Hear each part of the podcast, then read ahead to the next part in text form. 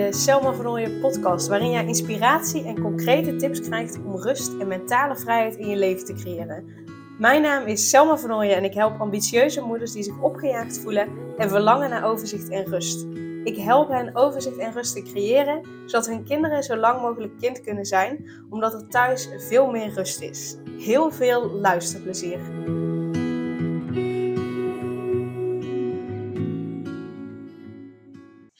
Tof dat je weer luistert naar een nieuwe aflevering van de Selma van Ooyen podcast. En in deze aflevering ben ik in gesprek met Paulien Pervos. En zij is opvoedcoach voor tweelingouders bij het positief en ontspannen opvoeden van hun tweeling. In deze podcast hebben we het natuurlijk zeker ook over uh, hoe opvoeden is voor tweelingouders. Maar ook als je ouder bent, uh, maar niet van een tweeling, dan nog raad ik je aan om deze podcast te luisteren, omdat we het hebben over het ouderschap en heel veel uh, zaken die daarbij komen kijken en uh, ja, uitdagingen die je tegenkomt. Zo hebben we het onder andere over hoe kun je nou strijd in huis voorkomen, hoe kun je daarmee omgaan en hoe kun je omgaan met emoties bij kinderen. En wat wat je dan ook bij tweelingouders ziet, is dat ze bijvoorbeeld uh, uh, tegen extra keuzes en extra uitdagingen aanlopen. En hoe ga je daarmee om? Ook daar geeft Pauline tips uh, over. Maar zeker over hoe kom je nou strijd in huis? Hoe ga je nou om met strijd in huis? En hoe ga je om met emoties bij kinderen? Bijvoorbeeld als ze niet zo goed tegen hun verlies kunnen en ze slaan de bord van tafel. Hoe kun je daar nou mee omgaan? Uh, dat en meer, daar geeft uh, Pauline heel veel uh, praktische, fijne tips over. Dus zeker ook als je geen tweeling thuis hebt, maar wel ouder bent, luister dan deze podcast. En uh, Pauline vertelt ook over de online cursus die zij heeft ontwikkeld, peuterpuberteit. En die cursus is ook voor ouders die geen tweeling hebben, maar wel een kind in de peuterpuberteit. Dus ga dan voor meer informatie en om je aan te melden naar de website.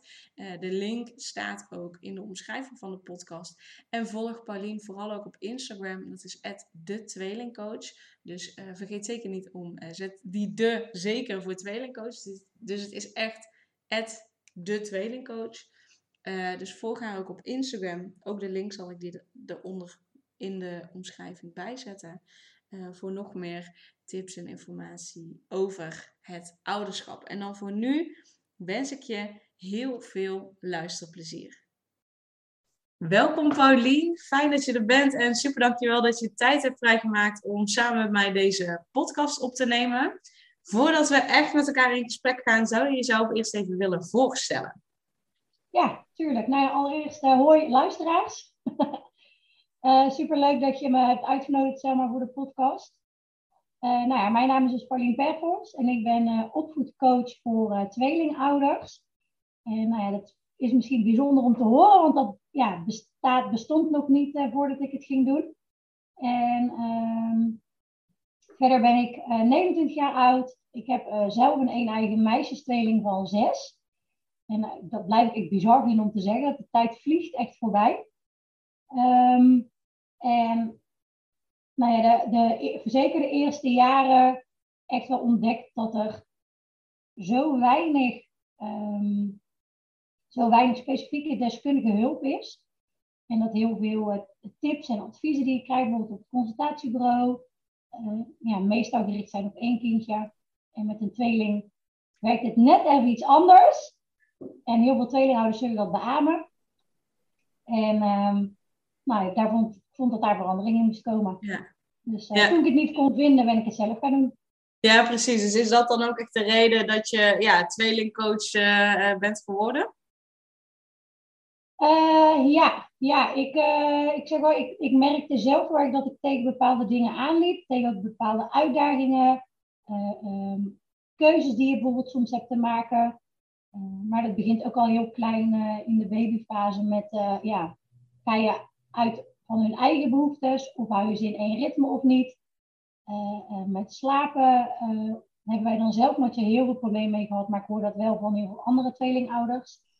Dat slapen echt heel moeilijk gaat. En ja, wat ik al zei, heel veel, heel veel adviezen die je krijgt zijn toch echt wel gericht als je één baby hebt of één peuter hebt of één kindje hebt. En um, ja, die wisselwerking tussen een tweeling en het versterken elkaar, of het versterken van elkaar. En weet je, dat, het is zo anders, want je hebt gewoon met een, met een speciale dynamiek te maken. Ja, ja. En, en je noemde net van hè, je hebt met, met, met anderen of, of uh, um, je hebt gewoon met bepaalde uitdagingen te maken die je als, als ouder van nou, niet-tweelingen uh, minder mee te maken hebt.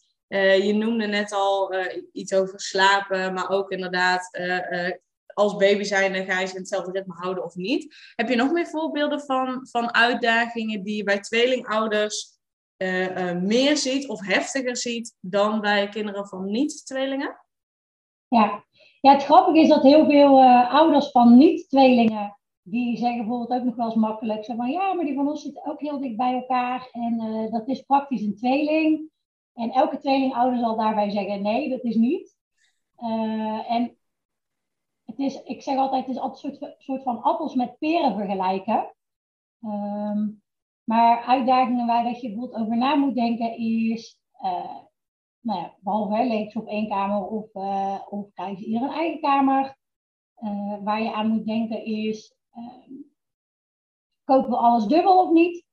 Um, maar ook later natuurlijk in de klas, gaan ze samen of gaan ze apart in de klas? En dan heb je ook nog heel vaak het um, beleid van scholen waar je, aan, waar, je, ja, waar je rekening mee hebt te houden. En die is heel vaak we halen de tweelingen uit elkaar. Nou, dat blijkt ook nog best wel een um, ouderwets achterhaald principe te zijn. Dat dat het beste zou zijn voor de ontwikkeling van van de eigen identiteit. Uh, maar heel veel scholen houden dat nog wel aan. En daar merk je als tweelingouders dat, ja, dat daar nog wel eens wat soort van dilemma, dilemma's zitten.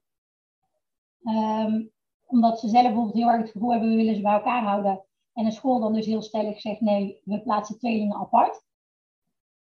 Andere dingen. Um, kinderfeestjes. Doe je er één of krijgen ze ieder een eigen kinderfeestje? Uh, taarten ook.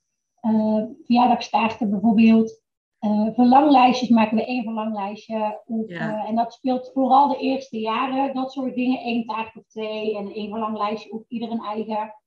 want als ze groter worden dan willen ze ja, dan, dan blijven twee kindjes, dus die hebben ook eigen wensen en uh, willen ook een eigen verlanglijstje maken. Ja. En vaak hebben de kinderen daar zelf ook een, een, een, eigen mening over.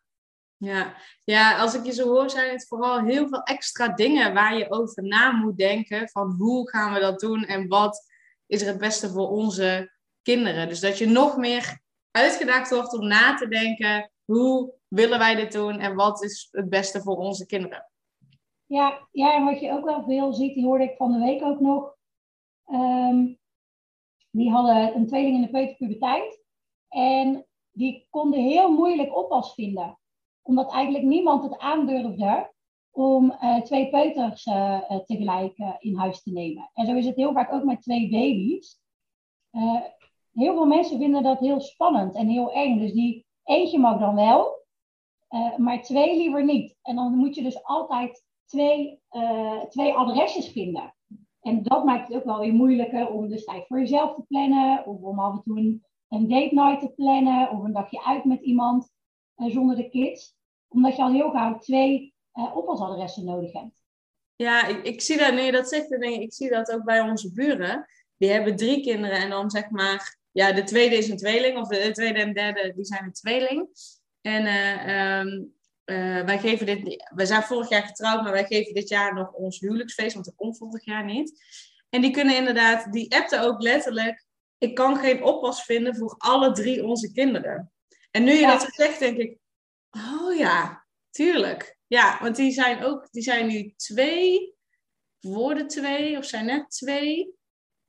Ja, dus die zitten ook mooi in die uh, peuterpuberteit. En dan hebben ze nog de derde, de oudste. Ja, ja. Ja, je, logisch dat jij dus zelf ook ondernemende moeder bent. En uh, uh, je hebt recentelijk ook die baan in loondienst opgezegd. Dus je bent nu echt volledig aan de slag als tweelingcoach. Hoe combineer jij je? Ja, hoe combineer jij het moederschap en het ondernemerschap? Um, mijn grootste reden eigenlijk om echt, uh, naast dat ik natuurlijk heel veel tweelinghouders wil helpen, om uh, eigen ondernemer te worden, was ook wel een stukje flexibiliteit en vrijheid. En nou ja, 1 maart uh, ben ik dus uit loondienst gegaan. En nou, toen rolden we meteen in allerlei ziektes en studiedagen en een extra vrije middag. En nou ja, wat dan ook.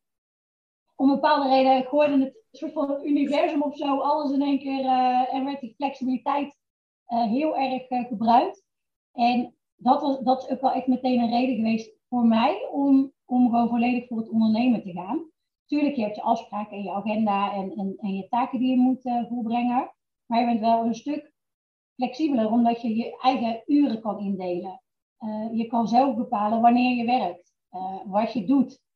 Um, en ja, dat, dat heeft ook voor ons gezin al heel veel rust gebracht. Uh, juist doordat als ze, toen ze ziek waren, dat ik ze kon opvangen zelf. Of als er dan inderdaad zo'n extra studiedag tussendoor komt, dat ik kan zeggen, joh, ik schuif wat dingen. En um, ik kan er gewoon voor hun zijn. Dus dat, uh, dat, dat is al heel fijn, die flexibiliteit die ik daarin heb. En hoe, onder, ja, hoe, hoe ik het zelf aanpak, heb gelukkig heel fijn support systeem om me heen. Allebei mijn ouders die, die passen op. ze hebben, we hebben met een paar vriendjes van heel leuk contact met die ouders, dus daar mogen ze nog wel eens gaan spelen. Uh, ja, dat scheelt gewoon heel veel. Dat je inderdaad wel. en het wordt ook echt wel makkelijker naarmate dus dat ze wat ouder worden. Nu zitten ze op school, dus onder schooltijd uh, kan ik altijd al werken. en de eerste jaren is het natuurlijk wat pittiger als ze bijvoorbeeld maar twee dagen naar de opvang gaan. en dus je dan ook nog zit met dat oppasprobleem wat ik zei. Mijn moeder deed daar gelukkig nooit zo moeilijk over. En die vond het zeker, dat is het hele grappige zeker toen ze ook wat ouder werden en ook in zo'n peuterfase, vond ze het juist makkelijker dat ze met z'n tweeën kwamen, omdat ze ook elkaar wel bezig hielden. En tuurlijk heb je af en toe die drift bij je en zo, en echt dat typische peutergedrag. Maar dat is bij iemand anders, zelfs bij opa of oma, altijd toch nog anders dan bij papa en mama thuis. Bij papa en mama durven ze veel meer, gaan ze veel verder, zoeken ze die grenzen veel uh, uh, verder op. Uh, maar ook al bij opa of oma of bij, bij je buren of bij waar dan ook. Uh, ja, dan gedragen kinderen zich toch altijd net even iets rustiger en iets netter. En uh, we kennen het vast allemaal wel, die zin. Nou, dat hebben ze de hele dag nog niet gedaan. Ja. Als ze het ophalen of zo. En ze, er lijkt inderdaad die strijd of zo op, de oneenigheid. En dan, oh, hoe vaak dat mijn moeder dat al niet heeft gezegd. Hebben ze de hele dag nog niet gedaan, dat gezeur. En dus dat is heel, heel grappig, dat mensen dus liever niet op een tweeling tegelijk oppassen, terwijl het het ook soms makkelijker maakt omdat ze elkaar bezighouden. Ja. ja, precies. Ja, dan wat je zegt inderdaad, dat herken ik bij mijn neefje en nichtje, dat uh, uh, ze kunnen soms wel boos zijn of, of het ergens niet mee eens zijn. Of, uh, moet ik zeggen dat dat de ene keer dan, dan kan mijn neefje bijvoorbeeld wel heel erg boos worden en de andere keer dan dan wacht hij, lijkt wel, totdat uh, een van zijn ouders hem op komt halen. En dan kan alles eruit. Maar uh, ik herken nou wel inderdaad dat het, dat het thuis dan toch altijd ehm, ja, meer is of erger is. Of in ieder geval, dan kunnen ze nog meer zichzelf zijn dan, dan dat ze bij iemand anders zijn. Ja, ja. grappig. Ja, dus, dus aan de ene kant heb je dus vooral ook voor, voor het ondernemerschap gekozen, ook omdat het zoveel flexibiliteit oplevert. Maar jij werkt dus vooral ook onder schooltijd en je moeder, of in ieder geval je ouders, passen ook op. Dat is wel fijn dat je dat uh, ook hebt. Ja, ja en, en weet je, dat is ook echt wel als je die stap wil maken naar, naar het ondernemerschap. En sowieso denk ik dat het voor alle ouders en zeker voor tweelingouders goed is, zorg dat je een supportsysteem om je heen hebt. En durf ook hulp te vragen, maar ook aan te nemen als dat wordt aangeboden. En uh, vaak voelen we ons daar misschien een beetje bezwaard over. Maar ja, ja het, het, heeft voordelen en het heeft nadelen, het ondernemerschap. Maar het helpt zeker wel als je uh, hulp kan vragen en kan aannemen. Ja, ik denk vooral ook dat laatste. Dat, dat kunnen, het aannemen van die hulp. Dus soms denk je misschien zelf van... Nee, dat kan ik niet vragen of dat kan ik niet maken of dat kan ik niet aannemen. Terwijl juist andere mensen het helemaal niet erg vinden om op te passen of, of iets voor je te doen. Of, uh, ja, Ja, mooi. Ja. we hebben juist heel erg het gevoel dat we het zelf moeten kunnen. We moeten al die balletjes zelf hoog kunnen houden. We moeten het allemaal maar kunnen doen. Ja, ja dat hoeft niet. De lat voor onszelf heel hoog leggen en het van onszelf verwachten. Ja. Terwijl er niks mis mee is om, om inderdaad hulp te vragen of aan te nemen. Ja, ja zeker. Ja, dat is een mooie tip ook meteen al. Uh, inderdaad, zorg voor een goed supportsysteem. En vraag om hulp en neem die hulp ook aan, want je hoeft het niet allemaal zelf te doen. Juist net niet. Ik bedoel, vroeger, uh, ze zeggen niet voor niets, hè. Um, it takes a village to raise a kid of zoiets. Ja, ja. Uh, ja, het was vroeger ook niet voor niets dat we natuurlijk uh, allemaal dingen samen deden, grote gezinnen bij elkaar en dat iedereen elkaar hielp. Ja, waarom zou dat nu anders moeten zijn, terwijl er, denk ik, nog meer van ons gevraagd wordt, juist net. Dus dat, ja, ehm, ja zeker. Zeker niet gek. Nee, en uh, wij hebben natuurlijk eerder al uh, met elkaar kennis gemaakt. En mhm. in, uh, in dat gesprek gaf je ook al aan dat het als ouder zijn vooral heel erg belangrijk is om bij jezelf te blijven. Wat bedoel je daar precies mee? Wat ik daar eigenlijk mee bedoel is dat um, als jij als voorbeeld hebt, bijvoorbeeld vanuit rust en ontspanning wil opvoeden, en ook je hoort heel vaak, ja, we proberen echt op op een positieve manier onze kinderen op te voeden. Ehm, dan is het natuurlijk wel belangrijk dat jij zelf ontspannen bent en, en positieve energie voelt. Eh, en ik geloof echt zeg maar, dat ehm, alles begint bij onszelf, bij onze eigen energie. Uh, als wij zelf moe zijn en ons lontje is kort en uh, hè, we, we, zijn snel geïrriteerd, dan wordt het al veel moeilijker om, om ontspannen en op een positieve manier uh, onze kinderen op te voeden en om hun een soort van warm en gezellig thuis te geven.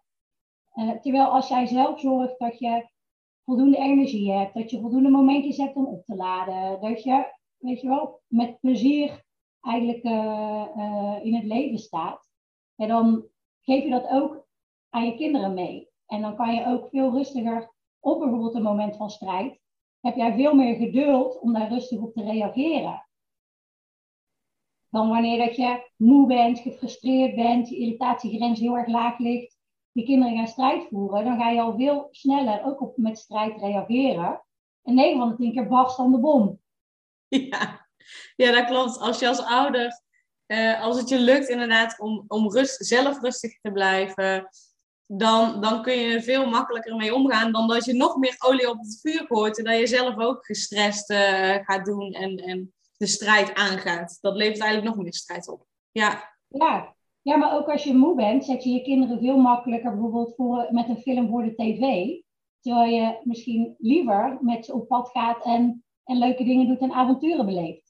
Um, als je daar geen energie voor hebt, ja, dan, dan denk je makkelijker, nou, ik zet maar even een film aan, dan kan ik ook even rustig iets doen, of kan ik ook even uitrusten, of, uh, en binder dan dat. Ik bedoel, uh, En dat is ook helemaal niet erg als je dat wel doet. Hè? De eerste jaren, zeker met een tweeling en twee baby's. En goh, daar kan je bijna niet van bij tanken. Maar uh, um, alles begint bij jezelf. En ik heb vorige week nog in het vliegtuig gezeten. En daar beginnen ze natuurlijk altijd met die veiligheidsinstructies.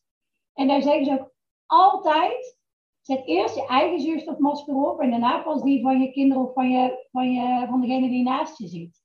En dat laat ook maar weer zo heel mooi zien dat je dus eerst moet zorgen dat jij zelf veilig bent, want daarna kan je iemand helpen. Maar als jij zelf knock-out in je vliegtuigstoel ligt, dan kan je je, je je kind of degene die naast je zit ook niet helpen. En zo werkt dat eigenlijk ook gewoon in heel je dagelijks leven. Ja, ja zeker. Ja, het is jammer dat we dat minder vaak in het dagelijks leven uitvoeren, en, uh, maar wel in een, in een vliegtuig. Uh, dat uh, zou eigenlijk gewoon lekker doorgetrokken moeten worden. Maar ik meen me ook te herinneren dat je ook aangaf um, dat bijvoorbeeld ouders dan, dan een, een, een keuze moeten maken of een vraag hebben of ergens tegen aanlopen. En dat ze dan aan jou vragen, Paulien, wat zou jij doen in deze situatie? Maar als je dan juist net aangeeft, ja, dat is heel mooi dat je dat aan mij vraagt, maar hoe zie jij dat en wat zou jij uh, uh, daarin fijn vinden? Waarom is het zo belangrijk ehm, dat ouders daar zelf over nadenken? allereerst, zeg maar, als het echt, hele praktische dingen zijn, heb ik natuurlijk wel wat tips en adviezen over. Maar echt inderdaad de hele opvoedkundige vragen ehm, is heel vaak ook gewoon een gevoelskwestie. En, en je, je, je moeder- of je vadergevoel daarin in volgen. Maar ook doen wat voor, uh, voor jou en voor jullie goed voelt. Uh, weet je, ik zie in sessies maar een, een klein stukje van, van heel jullie gezinsleven en van, van de kinderen en van weet je, hoe het er thuis aan toe gaat. Uh, maar er zit natuurlijk veel meer achter, maar ook overtuigingen die je zelf hebt vanuit je eigen opvoeding, misschien van je eigen ouders, maar ook in bijvoorbeeld het tweelingouderschap. Als kind zijn had je waarschijnlijk al een beeld van hoe een tweeling zou zijn. En hoe dat dan hoort te zijn misschien ook. En dat zijn ook allemaal overtuigingen die je meeneemt. Dus dan kan ik al heel erg mooi iets aandragen. Van, ik zou het zo doen. Uh, maar als jij daarvan meteen zelf denkt, nou, dat voelt niet fijn. Of weet je, dat, dat matcht niet met, met het idee wat jullie hebben van uh, het opvoeden. En van het opvoeden van een tweeling. En dan kan ik heel veel ideeën en, en, en tips en mijn manier geven. Maar mijn manier is niet meteen jouw manier. En het ouderschap gaat vooral om dingen doen waar jij je goed bij voelt. Want dan gaat het weer op een ontspannen manier. In plaats van dat je iets heel geforceerd gaat doen wat ik zeg. Terwijl dat, dat voor jou helemaal niet uh, werkt of fijn voelt. Ja. ja. Zeker. Ja, want als je iets gaat doen waar je jezelf niet achter staat, ja, dan, dan gaat het sowieso niet werken. Nee, en ik vind het ook wel echt heel erg belangrijk dat ouders dus op hun gevoel durven te gaan vertrouwen. En dat ze vanuit daar, nou noem het bijna een soort van intuïtief ouderschap gaan, uh, gaan voeren. Wat meestal uh, is wat er zeg maar een soort van intuïtief of vanzelf in je opkomt, is hetgeen wat het beste werkt. En wat het meeste vanuit, nou ja, noem het fun en ease, vanuit plezier en, en, en gemak, uh, heel goed werkt. Ja. Maar het vertrouwen op je eigen oudergevoel en dat durven te volgen, ja, dat probeer ik bij tweelingouders naar boven te halen. Want zie je dat vaak dan, dat ze, dat ze daar niet helemaal op durven te vertrouwen? Tweelingouders of ouders in het algemeen, zie je dat vaak? Nou, je ziet heel vaak dat ze heel erg in hun hoofd zitten, dat ze heel erg rationeel alles bekijken. Um, en tweelingouderschap is soms ook wel lastig, omdat je enerzijds wil je dat je kinderen heel erg hun eigen ding gaan doen en wil ze juist heel erg stimuleren om, om hun eigen ik te zijn. En aan de andere kant heb je ook rekening te houden met die nou, ik noem dat maar een beetje een soort van overkoepelende tweelingidentiteit. En daar ontstaat bij tweelinghouders heel vaak de twijfel. Uh, uh, ja, we willen hè, ergens wel rekening houden en benadrukken dat ze dus tweeling zijn en dat ze die bijzondere band hebben. Uh, maar als we ze te veel authentiek opvoeden, schaden we dan niet de tweelingband. Um, en daar gaan ze dus heel erg over nadenken en over piekeren en daar worden ze onzeker over. En en dan in één keer, ja, dan raken ze heel hun eigen oudergevoel kwijt. En um, ja, ja, beginnen ze dus heel erg te twijfelen aan hetgeen wat ze, wat ze doen en wat dan de beste manier is voor het, voor het opvoeden van je tweeling. Ja, het is wel denk ik een, een, een extra. Ik bedoel, ik, hè, um, ik denk dat het ouderschap sowieso zijn uitdagingen heeft. Want uh, ja, uh, wanneer word je meer, het meest gespiegeld? Ik denk in je contact met je kinderen. Um, maar als je dan een tweeling hebt, dan komt daar nog een extra component bij van inderdaad, in hoeverre benaderen we ze echt als losse individuen? Uh, hoe gaan we ervoor zorgen dat ze nog steeds inderdaad die band houden en, en, en die bijzondere band, dat, dat die sterk blijft? Dus er komt nog een extra ja, uitdaging eigenlijk bij, lijkt mij. Ja. ja. en dan heb je dus ook nog die overtuigingen die je hebt van hoe, hoe, hoe een tweeling dan is en hoe een tweeling dan hoort te zijn. En wat je vroeger al hebt gedacht, maar ook, weet je, in, in de media, in tijdschriften, in films, in series, zie je altijd een heel idyllisch plaatje van tweelingen. Uh, wat vaak ook uh, helemaal niet echt realistisch is. Dus soms valt het een beetje tegen, doordat tweelingouders het, het tweeling zijn uh, wat romantiseren. En, en denken dat het inderdaad altijd de beste maatjes zijn. En hè, dat ze alles met elkaar delen. En dat ze niet zonder elkaar kunnen. En ja, dat laatste wil je dus eigenlijk ook niet. Dat ze niet zonder elkaar kunnen.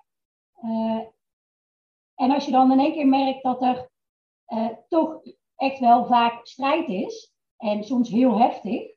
ook op jonge leeftijd al.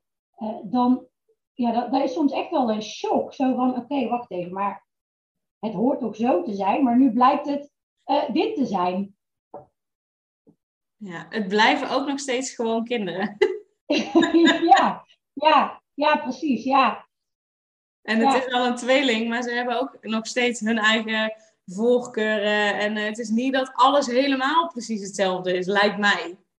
Nee, nee, nee, zeker niet. Nee, zeker niet. En, en toch zijn er wel, wel beelden van, dat mensen een beeld hebben van tweelingen, dat zij dus uh, hetzelfde zouden moeten zijn. Ik weet nog heel goed dat ik een keer uh, in de supermarkt stond. En die mevrouw achter de kassa, die was helemaal verbaasd dat maar één van onze meiden aan het huilen was. En de ander die zat gewoon heel tevreden, zeg maar, daarnaast op een rijstwafel te zwabbelen. En die was echt helemaal verbaasd zo van...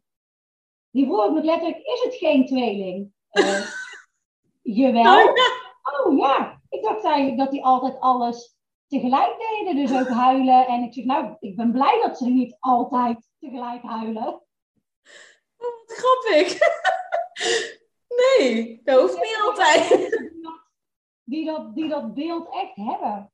Ja, oh wat grappig. Nee, dat had ik dan ook weer niet helemaal verwacht. Dat ze continu op hetzelfde moment huilen en op hetzelfde moment blij zijn. Of uh, nee. oh, heerlijk. Ja. ja, en ik ken ook een verhaal, die, die kleden haar tweeling altijd hetzelfde. Zelfs tot op het ondergoed. En als eentje uh, bijvoorbeeld geknoeid had en die moest schone kleren, dan werd de ander ook omgekleed. Oh ja, ja, zo kun je natuurlijk ook zelf als ouder zijnde ook wel echt. Uh... Dan maak je jezelf ook wel moeilijk, denk ik, als je dan alles echt tegelijk hebt. Ja, je maakt het jezelf moeilijk, maar daarmee onderstreep je eigenlijk ook dus voor je kinderen dat ze hetzelfde zijn. Hmm. Dat ze hetzelfde moeten zijn. En hetzelfde moeten ervaren en moeten meemaken. En ja, weet je, wat doet dat dan weer voor het authentiek uh, opgroeien van je kinderen? Ja, ja, precies. Ja, ja interessant hoe, hoe mensen er dan verschillend mee omgaan ook. Ja, en je ziet dan ook juist dat dat vaak de uh, gezinnen zijn en de tweelingen zijn waarbij de meeste jaloezie is. En waar de meeste uh, um, strijd en ruzie is omdat ze hetzelfde willen. Omdat ze vinden dat ze hetzelfde horen te krijgen. als één dan bijvoorbeeld al wel mag afzwemmen met zwemles en de ander niet, nou ja, dan, dan is natuurlijk het drama is dan helemaal compleet, want dat zijn ze helemaal niet gewend. Dat eentje iets sneller kan dan de ander. Ja, ja, ja, jeetje, ja. En dan krijg je nog meer strijd dan, dan de gewone strijd tussen aanhalingstekens die er, die er al is. Nu we het dan toch over strijd hebben, want ik denk dat alle ouders dat we herkennen, dat er een bepaalde strijd is. Nou, in dit geval dat de een wat sneller iets kan dan de ander. Of dat ze vinden dat ze allemaal hetzelfde moeten krijgen. Of nou, in ieder geval strijd. Ehm, heb je een aantal tips die je kunt geven om, om strijd te voorkomen? Of uh, nou ja, dat kun je niet altijd voorkomen, denk ik. En het dat hoeft ook niet altijd, vind ik. Tenminste, het mag er ook zijn. Heb je tips hoe je kan voorkomen of hoe je om kan gaan met strijd? Ja, allereerst is het, is het goed zeg maar, om uh, te beseffen dat er zijn zeg maar, verschillende soorten strijd. Dus is het bijvoorbeeld strijd omdat ze hetzelfde willen? Of is het uh, uh, echt strijd met elkaar omdat er bijvoorbeeld iets is voorgevallen? Dus dat er echt zeg maar, ruzie ontstaat en een meningsverschil ontstaat. En daardoor ontstaat er ruzie. Of wat je bijvoorbeeld heel vaak bij peuters, bij peuters dan voornamelijk ziet, is dat ze van hetzelfde bordje willen eten. terwijl er daar maar één van is. Of dat ze alle twee naast mama aan tafel willen zitten, terwijl het daar maar één plekje is. Um, als ze zeg maar echt strijd hebben, nou wat kan zijn, omdat er een soort van meningsverschil is, of omdat er iets is gebeurd en uh, daar ontstaat een ruzie door, en dan zou ik eigenlijk altijd toch wel adviseren, probeer er zelf niet te snel in te mengen. Uh, maar durf het ook best even te laten gaan en kijken of dat ze het zelf oplossen. Laat de regie vooral een beetje bij hun. Uh, natuurlijk tot een bepaalde hoogte, als ze echt elkaar fysiek gaan aanvallen, ja, dan wil je er wel tussen springen. Dan mag je ook echt wel benoemen dat dat gedrag, dus vooral het gedrag, uh, onacceptabel is. Dat het gedrag dus echt niet uh, mag. maar bedenk dan ook vooral samen met de kinderen weer een oplossing daarvoor. Ehm, En als ze wat kleiner zijn, dan kan je die oplossing een beetje suggestief vragend aanreiken. Stel dat een de ander heeft geweten. Wat je zeker bij tweelingen veel ziet, maar volgens mij bij, bij andere kinderen ook. Mijn neefje van, die is nu vier, maar van, van toen deed dat ook gerust bij zijn oudere broer en zus. Het ergens niet mee eens was. ja, dan kan je natuurlijk ook wel een soort van oplossing aandragen. Zo van, nou, zullen we anders even een koud doekje gaan maken? Dan helpt dat misschien tegen de pijn. Zo. Maar in ieder geval altijd die oplossing een soort van in overleg doen, want daarmee leren ze ja, oplossingsgericht denken ook wel. En ook wel dus dat bepaald gedrag een consequentie heeft. Um, als ze bijvoorbeeld, wat ik net zei, het voorbeeld, hè, dat ze dus alle twee van hetzelfde bordje willen. Um, wat dan goed is, is om te kijken, oké, is het wel duidelijk? En zeker ik blijf me even aanhaken bij, bij bijvoorbeeld peuters. Die hebben vaak een beeld in hun hoofd. En als dat beeld niet uitkomt, dan ontstaat er een soort van kortsluiting. En dan krijg je dus dat, dat typische peutergedrag, die driftbuien en dat zeuren en het er niet mee eens zijn en het op hun eigen manier willen doen. En um, duidelijkheid helpt daar heel erg bij. Uh, dus ga eens kijken, oké, stel dat dat uh, nou, bijvoorbeeld met het ontbijt is, dat dat echt een moment is waar heel veel onrust en strijd is. En dan eens kijken, oké, wat gebeurt daar nou? En uh, zeg ik dat goed? Eén, waar ontstaat het ook door? Maar ook hoe kunnen we er nou voor zorgen dat hier meer duidelijkheid in komt? Dus bijvoorbeeld met vaste stappen. Um, bijvoorbeeld, wat je ook vaak ziet, is dat je bijvoorbeeld brood voor ze smeert. En dat je dan wat wil je erop? En dan wordt er pindakaas gezegd. Vervolgens smeer jij de pindakaas op en dan willen ze eigenlijk toch smeerworst. Uh, waarschijnlijk heeft je kind dan gedacht, ik wil smeerworst, maar dat verwisselt met elkaar. Nou, dan is het dus voor die kinderen eigenlijk heel onduidelijk wat, er, wat het een is en wat het ander is voor op die boterham. Dan kan je duidelijkheid creëren door het ze echt laten, te laten aanwijzen. Maar nog beter door het ze bijvoorbeeld zelf te laten smeren. Um, en het naar bed gaan bijvoorbeeld is vaak ook zo'n onrustig moment. Want de kinderen willen nog spelen. Of uh, weet je, ze hebben ook helemaal geen zin. Of ze willen hun pyjama niet aan of hun tanden poetsen. Ze zijn heel dat afgeleid uh, door andere dingen.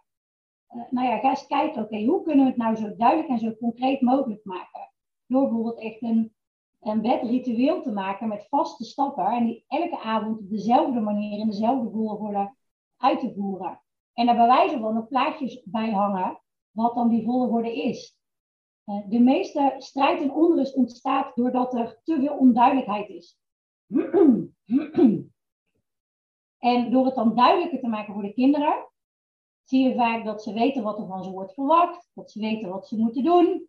En dan, ja, dat, dat geeft ook, ook rust en zorgt weer voor ja, minder strijd en dat dus dingen makkelijker verlopen. Ja, ja mooi. Ja, zeker.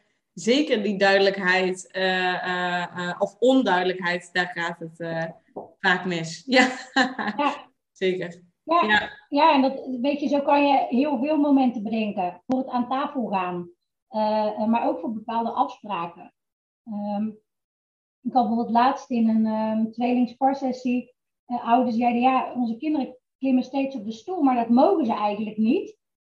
En Behalve als ze hun handen gingen wassen aan de kraan. Dan werd de stoel zeg maar, naar het aanrecht geschoven. En uh, gingen ze op de stoel staan. Ik zeg, ja, ik zeg, snap je dat dat... En ook dat waren, zeg maar, die waren tweede, dat waren nog peuters. Maar ik zeg, snap je dat dat heel onduidelijk is? Want aan de ene kant mag het niet. Maar aan de andere kant, op een ander moment mag het in één keer wel. Ik zeg, en dat kan je al heel makkelijk oplossen door gewoon een opstapje te kopen waarmee ze hun handen kunnen wassen. En die stoel is gewoon om op te zitten. Ja, ja. ja het is, soms denk ik dat we van, van kinderen soms uh, uh, meer verwachten dat ze meer begrijpen dan dat we denken. En daardoor uh, ja, ontstaat inderdaad wat je noemt onduidelijkheid, de strijd. Hoe, ehm, hoe is dat bij tweelingouders? Is dit ook dan wat je ziet bij tweelingouders of, of gaat dat dan nog net wat anders? Um, nou ja, bij tweelingouders zie je dat ook. Maar wat je bij tweelingouders wel meer hebt, is dat er bijvoorbeeld ook strijd ontstaat omdat ze een soort van aantrekkingskracht naar elkaar hebben of zo. Dus ook al wil, willen ze het niet, of wil een van de twee het niet, dan toch zie je dat ze ehm, snel naar elkaar toe trekken en dus ook in elkaars ruimte zeg maar, komen. En uh, nou, dan krijg je af en toe een beetje dat duwen en dat trekken en dat ze elkaar niet helemaal met rust kunnen laten. En dan ontstaat er dus ook uh, strijd. Um, ja, en wat je bij heel veel tweelingen wel ziet, is wie iets als eerste mag doen. soms zelfs wie als eerste de trap naar boven of naar beneden mag. daar kan al, al ruzie om ontstaan. maar ook tweelingen versterken elkaar ook heel erg in gedrag. Dus als jij bijvoorbeeld wil dat ze hun jas en hun schoenen aandoen omdat ze weg moeten, zijn zij veel sneller afgeleid. Niet alleen door dingen in hun omgeving of speelgoed in, in hun omgeving, maar ook door elkaar. Eh, doordat ze makkelijker een, een, soort van spelletje hebben met elkaar. Uh, en daardoor ben je de hele tijd, moet je eigenlijk herhalen wat ze moeten doen en wat je van ze verwacht. En nou, ook daarin kan je dus steeds meer duidelijkheid creëren door alles in een vaste routine te doen. Ja, ja want is dus dan inderdaad de, de aanpak zeg maar hetzelfde. Dus die duidelijkheid creëren, eventueel met, met afbeeldingen, met picto's werken. Uh, of is er nog iets extra's wat, wat ouders van tweelingen dan kunnen doen? Nou ja, wat goed om te beseffen is denk ik dat als je ze tegelijk probeert aan te spreken op hun gedrag, dat je eigenlijk maar twee keer de helft van de aandacht hebt. En soms zelfs minder, omdat ze elkaar meer aandacht geven, omdat, omdat ze wat elk kind op zich heeft afgeleid worden door iets wat er in de omgeving gebeurt. Maar als jij naast elkaar staat, ja, dan ben je natuurlijk veel sneller afgeleid, want dan wordt er iedere keer een tikje gegeven. Of een... Uh, dus als je ze echt wil aanspreken op hun gedrag, neem ze even apart. Uh, ik geloof niet zozeer in uh, echt time-out momentjes. maar ik geloof er wel in om bijvoorbeeld eentje, bij ons is dat de trap, dat als er dus iets gebeurt, en je weet heel duidelijk bijvoorbeeld wat, dat de een de uh, echte slachtoffer is en de ander meer de dader, dan neem je bij van de dader even mee naar de trap of naar de gang. Maar dan ga je het samen meteen uh, bespreken.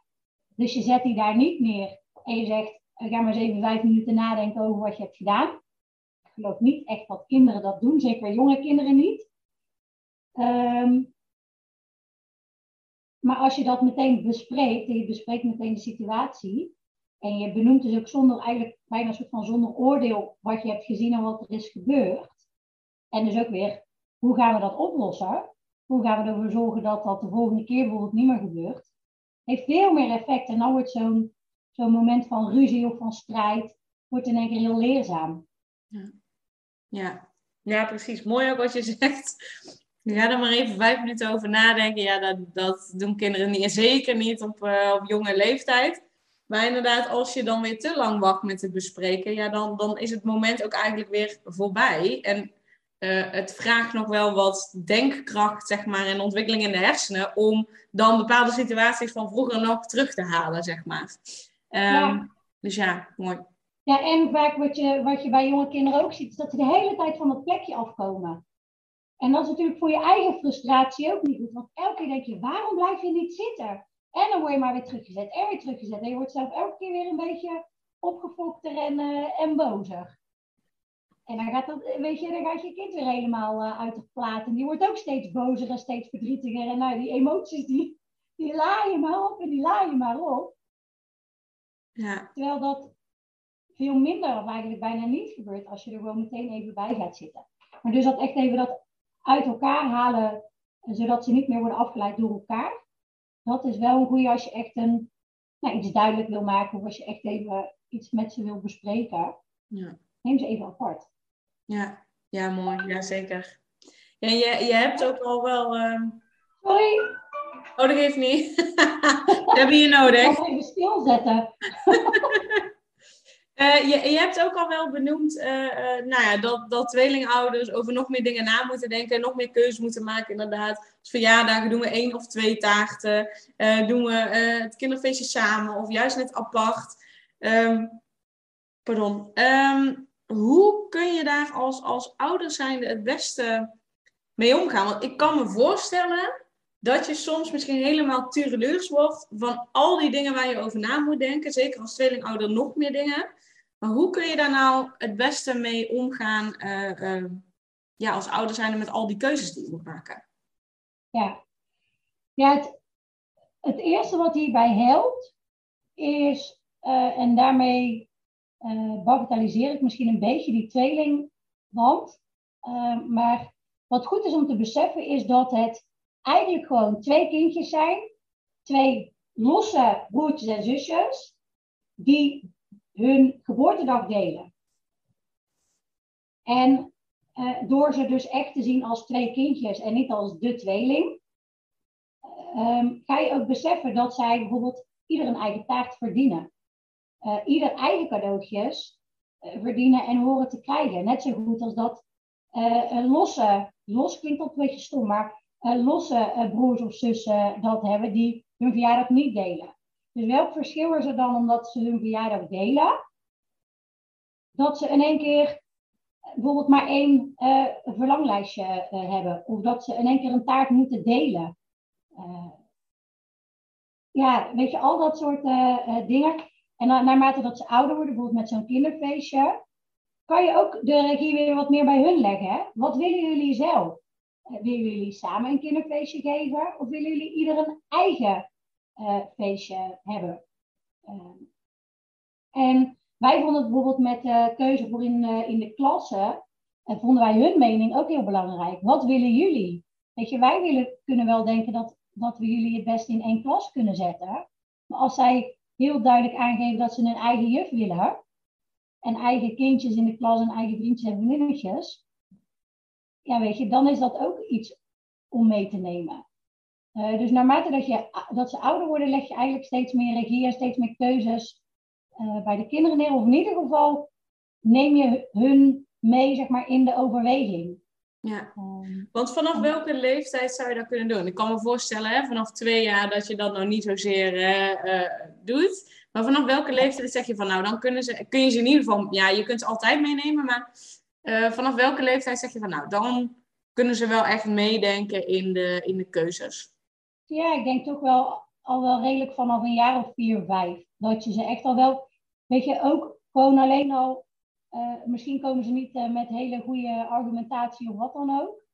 Uh, maar het feit dat zij zich een soort van gehoord voelen en voelen dat zij er net zo mogen zijn en dat hun mening er net zo mag zijn als die van papa en mama. Um, ja, weet je, dat doet natuurlijk ook wel heel veel met je zelfvertrouwen en met je zelfbeeld. Want papa en mama vertrouwen ons in onze uh, in onze meningen en in onze keuzes die we maken. En, um, en daarvoor is het vooral ook wel dat. Hè, zo van, nou, papa en mama zien ons als twee kindjes, als twee unieke kindjes. Um, maar het is ook wel een stukje wat, welke boodschap geef je aan je omgeving mee? Uh, want zeker de omgeving ziet een tweeling heel vaak als de tweeling. En als een duo en als samen één, in plaats van als ieder één. En dat benadruk je natuurlijk wel door één verlanglijstje te maken. Of door één taart te hebben op een verjaardag. Of uh, uh, door alles uh, te delen. Terwijl als jij vanaf het begin af aan bij wijze van al twee verlanglijstjes maakt. En alsof dat er twee taarten op een verjaardag zijn.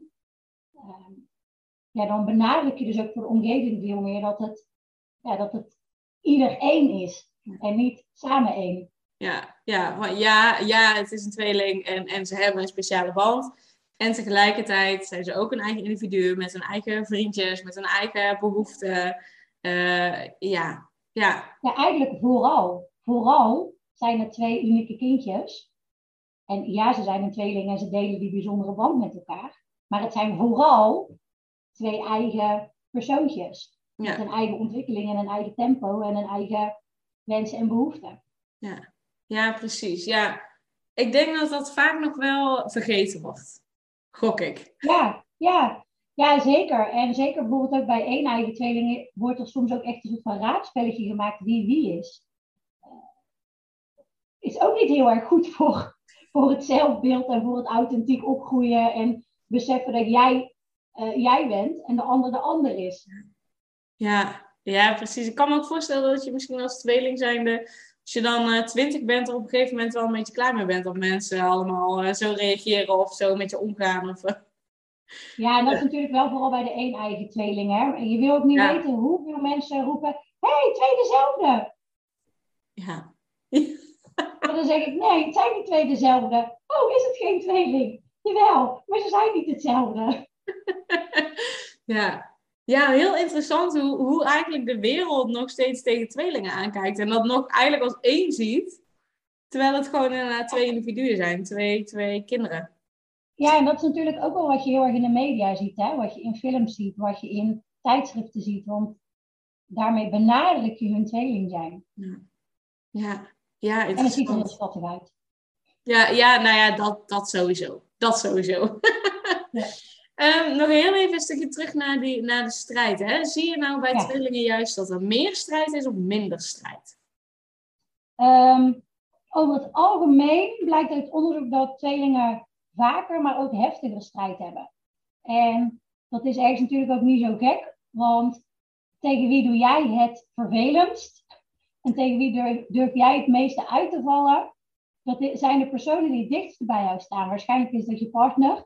Um, misschien een van je ouders nog, dat je dat. Uh, um, uh, en als je een hele goede band hebt, misschien met, je, met, met een broer of een zus.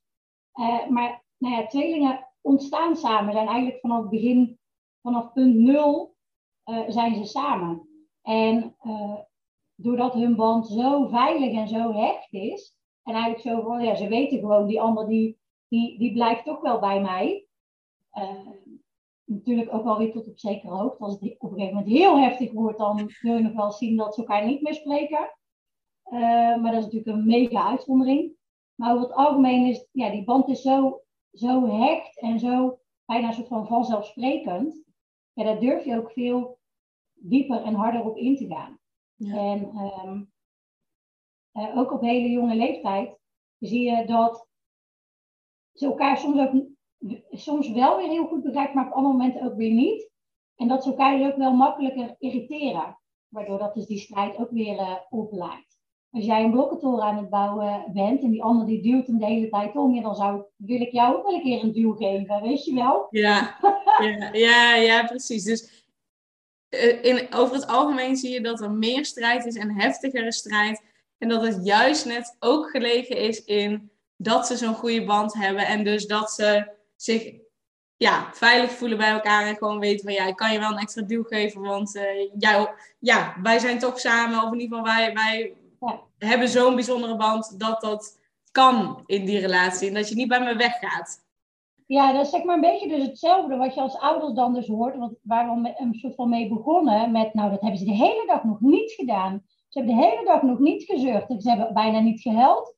En dan kom jij als ouder zijn ophalen en dan in één keer uh, breekt de pleuris uit. Uh, dat is ook omdat ze zich zo veilig bij ons voelen dat ze ook zeg maar hun lelijke kanten durven te laten zien. Ja. En dat is bij, bij tweelingen onderling vaak ook. Ja. Die durven bij elkaar lelijk te zijn. Ja, ja dan komen natuurlijk ook de nodige emoties naar boven. Heb je nog uh, een aantal tips met, of, of één belangrijke tip, uh, hoe, hoe je het beste om kunt gaan met, met emoties bij kinderen? Uh, de belangrijkste tip is het er gewoon te laten zijn. Laat het er maar uitkomen. Um, maar leer ze daarin wel wat dan, wat dan zeg maar de, de juiste manier is. Um, dus in plaats van dat je met dingen gaat gooien omdat je boos bent, of dat je die ander inderdaad uh, op zijn kop slaat of aan zijn trekt omdat je boos bent, laat ze op de grond stampen. Uh, weet je, laat ze drie rondjes om het huis rennen. pak er een kussen bij en laat ze in het kussen slaan. Of misschien, weet je wel, zo een keer je gezicht erin drukken en dan zo Aah! doen. dat, die emoties moeten er toch uit. En ehm, we vinden het vaak niet fijn om onze kinderen zo boos of verdrietig of emotioneel te zien. Um, maar ga je het wegduwen, dan blijft het naar boven komen. En dan blijft het toch, uh, weet je, dan ga je het opkroppen. En op een gegeven moment barst dan ook de bom en is het veel erger.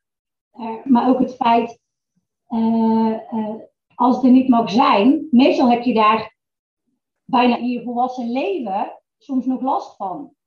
Ehm, dus dat is eigenlijk de belangrijkste tip die ik wil geven. Laat het zijn. Laat het er maar gewoon uitkomen. Maar wel op een manier die, nou ja, die dus voor iedereen goed voelt. Uh, of pak een groot vel en een potlood. En weet je, ga maar even krassen. Laat maar, laat maar eens op het vel zien hoe boos je bent. Ja, ja precies. Ja, dus laat het eruit gaan, maar wel op een, een manier die acceptabel is. Dus, dus niet bijten, niet schoppen, niet slaan, uh, dat soort dingen. Geen dingen kapot gooien, maar je mag wel rondje om het huis rennen, in een kussen slaan. Of uh, hè, op een manier die, die wel, um, ja. Ja, wat je bijvoorbeeld heel vaak ziet, is misschien een goed voorbeeld uh, met spelletjes. Als je dus hebt verloren, heel veel kinderen kunnen niet zo goed tegen een verlies. Uh, zo hadden wij dat thuis ook eentje. En die, die deed dan letterlijk, die ging dan letterlijk met het spel gooien, weet je wel. Die, die veegde het dan zo van de tafel. En um, boos om worden. Maar dan dus weer, ja, dan gooi je eigenlijk weer olie op het vuur. Maar ik kan ook zeggen, ik begrijp dat je boos bent dat je hebt verloren. Ik begrijp dat je verdrietig bent. Je mag ook verdrietig zijn als je hebt verloren. Alleen we gaan niet met het spel gooien. Dan kan het kapot gaan. We kunnen het de volgende keer niet spelen. Maar, nou, we kunnen pen en papier, hè, of pak een vel, of pak even een kussen. En laat maar eens even zien hoe, hoe boos of hoe verdrietig je bent dat je hebt verloren. Um, dan mag het er zijn. Je hebt er ook een soort van begrip voor. Het is logisch dat je, of in ieder geval, het mag dat je boos of verdrietig bent omdat je hebt verloren. Maar we gaan niet met het, met het spel gooien. En je dus een alternatief om dat wel te uiten. Om het er wel te laten zijn. Ja, ja dat is zeker belangrijk. Want anders sla je het als op, op als kind zijn. En hoe vaker dat gebeurt en je mag het niet zijn, hoe meer je het opslaat. En ja, dat, dat draag je gewoon inderdaad bij je. Soms zelfs tot in je volwassenheid. Ja. ja. ja. Zeker. Zeker een belangrijke tip. En dit is natuurlijk niet alleen een tip voor als je een tweeling hebt, maar dit is ook voor alle kinderen. ja, ja, voor alle kinderen. En als je wat dat betreft voor dat communiceren en dat benoemen en zo van die gevoelens. Ja, ik ben heel erg fan van uh, How to Talk to Kids. Ik weet niet, een soort van reclame maken eigenlijk wat ik nu doe. Zullen ze bij How to Talk heel blij mee zijn. Ja. Uh, maar dat is een hele mooie methode. Ze hebben boekjes, ze hebben volgens mij nu ook een app. Uh, waarbij dat je dus dat, dat benoemen en dat soort van begrip tonen. Uh, maar uiteindelijk ook de regie bij de kinderen laten liggen en een oplossing bedenken. Uh, ja, dat komt heel erg van bij hun vandaan. En ja, ik heb zelf bij mijn eigen kinderen ervaren dat dat heel goed werkt. Maar ook bij de gezinnen die ik coach, uh, waarbij ik dus ook die tip geef. Um, Misschien moet ik affiliate marketing ja. noemen. Ik wilde het net zeggen. En ook over ondernemen hebben. Ja. ja, precies. Ja, je zegt het heet How to Talk to Kids, maar het is wel een boek in het Nederlands, hè? Dus... Uh... Ja, ja, ze hebben twee boeken uh, in het Nederlands, de algemene en ook uh, voor broers en zussen zonder rivaliteit. En um, ja, af en toe doen ze trainingen. Of ik zeg wel, ze hebben dus nu een app. Ja, Nee, niet dat mensen denken, oh, het is in het Engels, dus het boek is in het Engels, dus laat maar zitten. Nee, het is ook gewoon in het Nederlands. Ja, ja. ik denk dat ik nu zeker affiliate marketing ga aanvragen. Ja, dat, dat zou, ik, zou ik zeker doen. Zeker als, als je het je klanten ook aanraadt. Ja. um, en, over nadenken. Ja, precies. En je hebt, uh, want in de puberteit heb je natuurlijk ook best wel veel strijd, emoties die naar boven komen. En jij hebt een cursus over puberteit. Uh, zou je daar nog meer over kunnen vertellen? Ja, zeker. Um, nou ja, ik denk dat alle ouders, niet alleen tweelingouders, uh, ervaren dat de peuterfase best wel pittig is. En um, wat je vaak merkt is dat we juist door die fase uh, ook zo leeg worden gezogen. Want hoe ga je nou om met dat, met dat driftige gedrag? Uh, hoe ga je nou om met peuters die hun eigen keuzes willen maken? En ja, vaak hebben we geen idee. En is het een fase waar we als ouders zijn er best wel een soort van onzeker ook weer doorheen lopen. Omdat negeren werkt niet. Erop ingaan werkt vaak ook niet. Uh, weet je, wat, uh, wat, wat doe je? Um, en daarnaast is de peuterfase echt wel zeg maar de eerste fase waarbij zij ontdekken dat ze een eigen persoon zijn. Uh, dat ze een eigen mening hebben. Dat ze een eigen willetje hebben. Dat ze regie hebben over hun eigen lijf. een hele belangrijke fase in het authentiek opgroeien. Dus voor alle kinderen is het een hele belangrijke fase, maar voor tweelingen daarbij nog extra. Omdat het voor hun soms zo uitdagend is om authentiek op te groeien. En echt je eigen persoontje te blijven. En um, nou, daar heb ik inderdaad een online cursus over gemaakt. Met vijf lessen Waarbij dat we echt dus gaan kijken naar, oké, wat gebeurt er op zo'n moment van strijd? Tot wat werkt wel, wat werkt niet. En um, ja, vooral ook gaan inzien wat die fase inhoudt en, en, en hoe je daarmee om kan gaan. En hoe je dat peutergedrag eigenlijk soort van kan gaan gebruiken. Zodat jij krijgt wat je wil. En dat de, de uitkomst die er is, dat, dat jij daar oké mee bent. En dat de kinderen het gevoel hebben dat ze uh, ja, dus die regie hebben en, en uh, eigenlijk worden gestimuleerd in hun, in hun ontwikkeling waar ze in zitten. Ja. Tot, tot eigen personen. En, en ja, dat, dat is wat de cursus heel fijn doet. Dus je gaat echt van, van eigenlijk het strijd voeren en soms soort van uh, met je handen in het haar zitten. Van, zo van ik weet niet meer wat ik nog moet doen. En ik weet niet hoe ik erop moet reageren. En, en ja, er is voor mij bijvoorbeeld te veel strijd in huis naar toch weer, ik, blijf me halen, positieve en ontspannen opvoeden van je, van je tweeling. Maar ik ben ervan overtuigd dat deze cursus voor alle ouders uh, heel waardevol is en heel leerzaam is uh, die in de peuterfase zitten. Um, ja, gewoon echt meer naar positief en ontspannen en vanuit plezier uh, ja, opvoeden. Ja. En hoe dat gezellig wordt in huis. Ja, ja mooi. Met, met wat minder strijd en meer rust eigenlijk. Ja. Ja, vooral inderdaad begrijpen hoe het komt dat ze zich zo gedragen. En, en dan weten hoe je ermee om moet gaan, zodat uh, het soort van win-win wordt voor beide partijen. Ja, mooi. En waar, kunnen mensen zich aanmelden voor de cursus? Uh, op mijn website www.tweelingcoach.nl slash, volgens mij is online cursus, maar als je bij mijn, uh, gewoon naar mijn website gaat, tweelingcoach.nl, dan zie je boven in de navigatie zie je al uh, staan online cursus. Ja, top. En daar kunnen ze al informatie, informatie vinden. Super. En waar kunnen ze jou het beste volgen? ik ben het meest actief op Instagram. ook weer de tweelingcoach. niet heel moeilijk om te onthouden, denk ik. De link zet ik sowieso ook in Ja, daar deel ik tips, adviezen. Ehm, nou, en, en natuurlijk alle informatie staat op mijn, op mijn website. En als mensen meer willen weten of als ze een keer met me willen sparren of wat dan ook, moet ik altijd contact met me opnemen. En uh, dan heb ik ze met heel veel liefde en plezier verder. Top. Hey, en welke laatste boodschap heb je nog voor de luisteraar? Um, vooral, en dus ik begon er natuurlijk ook wel een beetje over, het begint echt bij jezelf. Bij je eigen energie, bij je eigen um, hoe zeg je dat, gemoedsrust. Is dat het goede woord? Ja, uh, ja hoe je je voelt.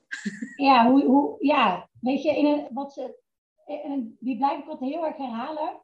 Zet eerst je eigen zuurstofmasker op. En zorg dus dat je weet ook waar je van oplaat. En uh, geef daar prioriteit aan. Durf jezelf op nummer 1 te zetten. En heel veel mensen vinden het heel egoïstisch en heel moeilijk.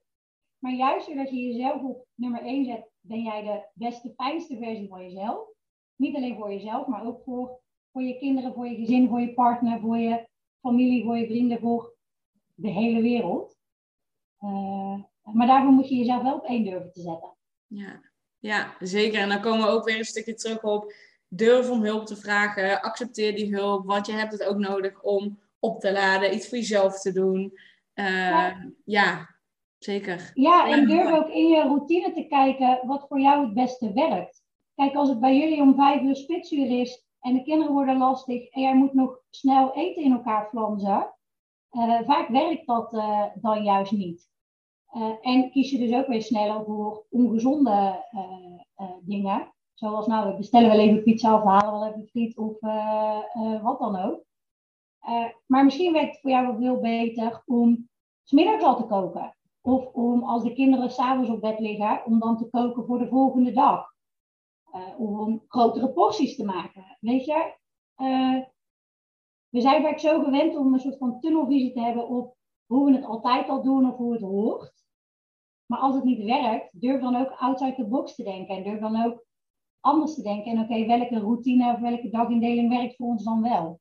Ja, ja zeker belangrijk. Zeker, want je hoeft niet uh, per se uh, om half vijf te staan koken als het dan juist net uh, spitsuur is.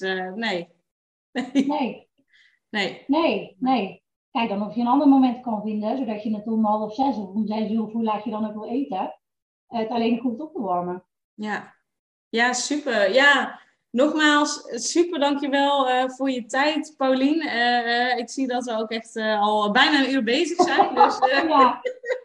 tijd om... Kunnen blijven lullen. Ja, nee, je, je, hebt echt onwijs veel, veel fijne, nuttige, praktische ook tips gegeven voor, voor ouders om onder andere strijd te voorkomen.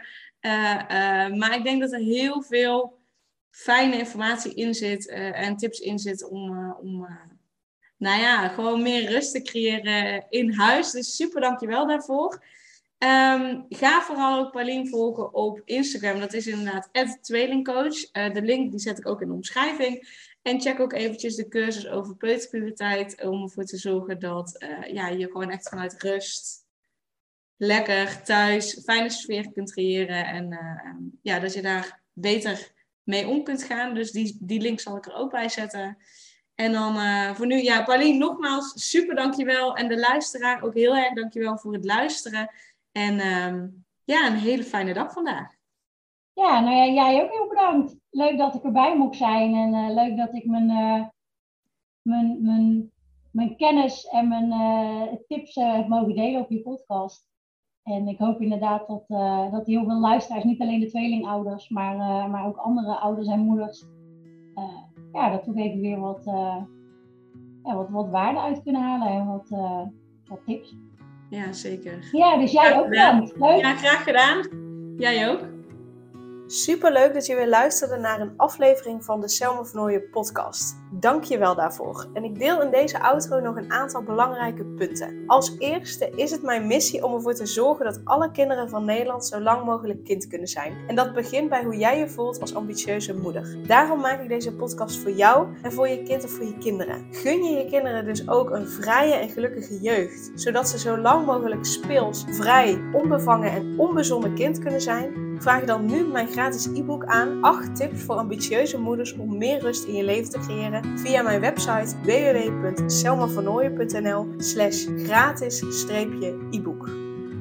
Ten tweede, wil je alle podcastafleveringen overzichtelijk onder elkaar en wil je als eerste op de hoogte gebracht worden als er een nieuwe podcastaflevering online staat? Abonneer je dan op de podcast door op de knop volgen, subscribe of abonneer te klikken. Ten derde, ondersteun je mijn missie en wil je ook helpen om alle kinderen van Nederland zo lang mogelijk kind te laten zijn? Laat dan een review achter in de podcast-app via waar je deze afleveringen luistert. Hoe meer reviews, hoe beter de podcast vindbaar is en dus hoe meer ambitieuze moeders en hun kinderen ik kan helpen.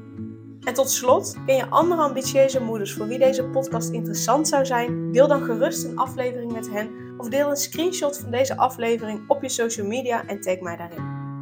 Wil je mij een vraag stellen of contact met mij opnemen? Dan kan dat via info.selmavernooien.nl of via het Instagram account Selma Nogmaals, super dankjewel voor het luisteren en tot de volgende keer.